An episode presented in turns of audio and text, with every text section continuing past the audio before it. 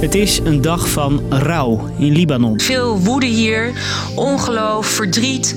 De herinneringen aan vorig jaar zijn eigenlijk nog heel vers. De pijn, het trauma. In Beirut wordt de zwaarste niet-nucleaire explosie uit de geschiedenis herdacht. I can't forget the, the explosion, the sound, kids screaming, body parts. I saw a hand, I saw two legs.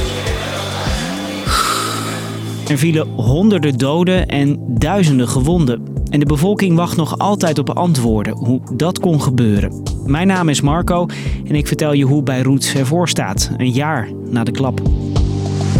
Lang verhaal kort. Een podcast van NOS op 3 en 3FM. 4 augustus 2020. Social media stroomt vol met beelden van een enorme explosie in de Libanese hoofdstad Beirut in het Midden-Oosten. Een schokgolf gaat dwars door de stad. Ramen sneuvelen, auto's vliegen door de lucht. Het is onduidelijk wat er precies is gebeurd.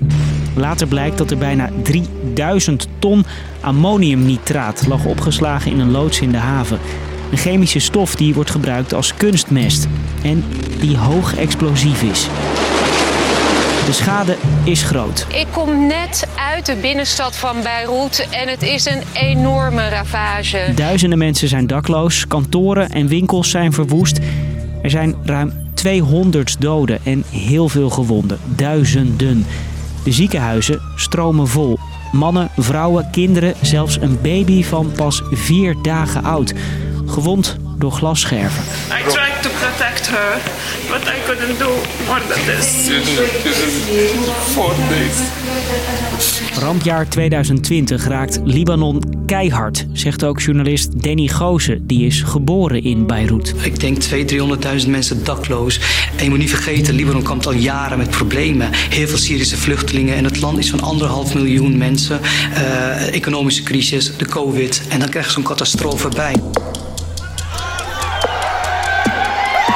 Naast het verdriet overheerst de dagen na de ramp de boosheid. We don't need uh, this government, this uh, corruption. Hoe heeft dit kunnen gebeuren? Vragen veel Libanezen zich hardop af. En waar blijft de overheid? They are all liars. We live in a country where our ministers and president and every fucking people here, they are all lying to us. Na de explosie moeten de inwoners van Beirut het vooral hebben van hun eigen geld en dat van NGO's. Want de overheid is blut. Er wordt over de hele wereld geld ingezameld, ook in Nederland. Samen komen we in actie voor noodhulp. Kom ook in actie. Geef nu op Giro 555.nl. Er wordt ruim 15 miljoen euro opgehaald. Ondertussen gaan de Libanezen massaal de straat op.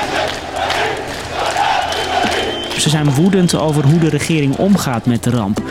Hoe kon dat levensgevaarlijke spul zeven jaar lang tussen de huizen staan opgeslagen? En waarom komt er maar geen hulp op gang? Een kleine week na de ramp stapt de regering op. De premier, die je hier hoort in een televisietoespraak, zegt dat het drama te wijten is aan structurele en grootschalige corruptie. Al jaren trokken havenmedewerkers en douaniers aan de bel over de hoeveelheid chemische stoffen in die loods. Maar ze kregen geen gehoor. En toen was het te laat. Eén jaar later. We're literally living inside hell. Volgens de Libanese Mariana is er nog steeds ontzettend veel te doen. I don't even see what is done anymore. I look at the broken and the empty and there is so much to still do. En over de precieze oorzaak is nog altijd een hoop onduidelijk. Volgens mensenrechtenorganisatie Amnesty International zit de Libanese overheid het onderzoek naar de ramp dwars. Waardoor er nog veel vragen zijn. Tot frustratie van nabestaanden en slachtoffers. Gisteren sprak ik bijvoorbeeld een stel dat hun driejarige dochter verloor vorig jaar in de explosie. Vertelt correspondent Daisy Moore. Waar zij over dromen is gerechtigheid. Ze willen antwoorden. Ze willen weten hoe het nou mogelijk is dat zo'n grote hoeveelheid ammoniumnitraat zo centraal in de stad eh, opgeslagen lag. Een tikkende tijdbom noemden ze. En ook is er veel onduidelijk over hoe dat geld van die NGO's is besteed. Ja, er is veel internationale hulp geweest, maar hoe die precies terechtgekomen is, is ook moeilijk te achterhalen. Wat we wel weten van stichting Giro 555 zelf, is dat er van het in Nederland opgehaalde geld al 10 miljoen is uitgegeven aan eten, water, onderdak en psychische hulp voor ruim 80.000 kinderen en volwassenen. De aanloop naar vandaag is uh, heftig, het is uh, zwaar. En terwijl de autoriteiten het afgelopen jaar echt schitterden in hun afwezigheid, was de solidariteit hier wel heel opvallend. They always say that there is problem in between us. No, it's not true. We want one Lebanon. Dus, lang verhaal kort. Een jaar na de gigantische explosie in de haven van Beirut zijn het gebroken glas, verbogen ijzer en de andere brokstukken misschien wel weggehaald. Maar over het algemeen verloopt de wederopbouw nog niet voorspoedig. Onder de Libanezen is nog altijd veel woede over hoe deze grote ramp heeft kunnen gebeuren. En dat was hem weer. Morgen staat er rond 5 weer een nieuwe aflevering voor je klaar. Dank voor het luisteren.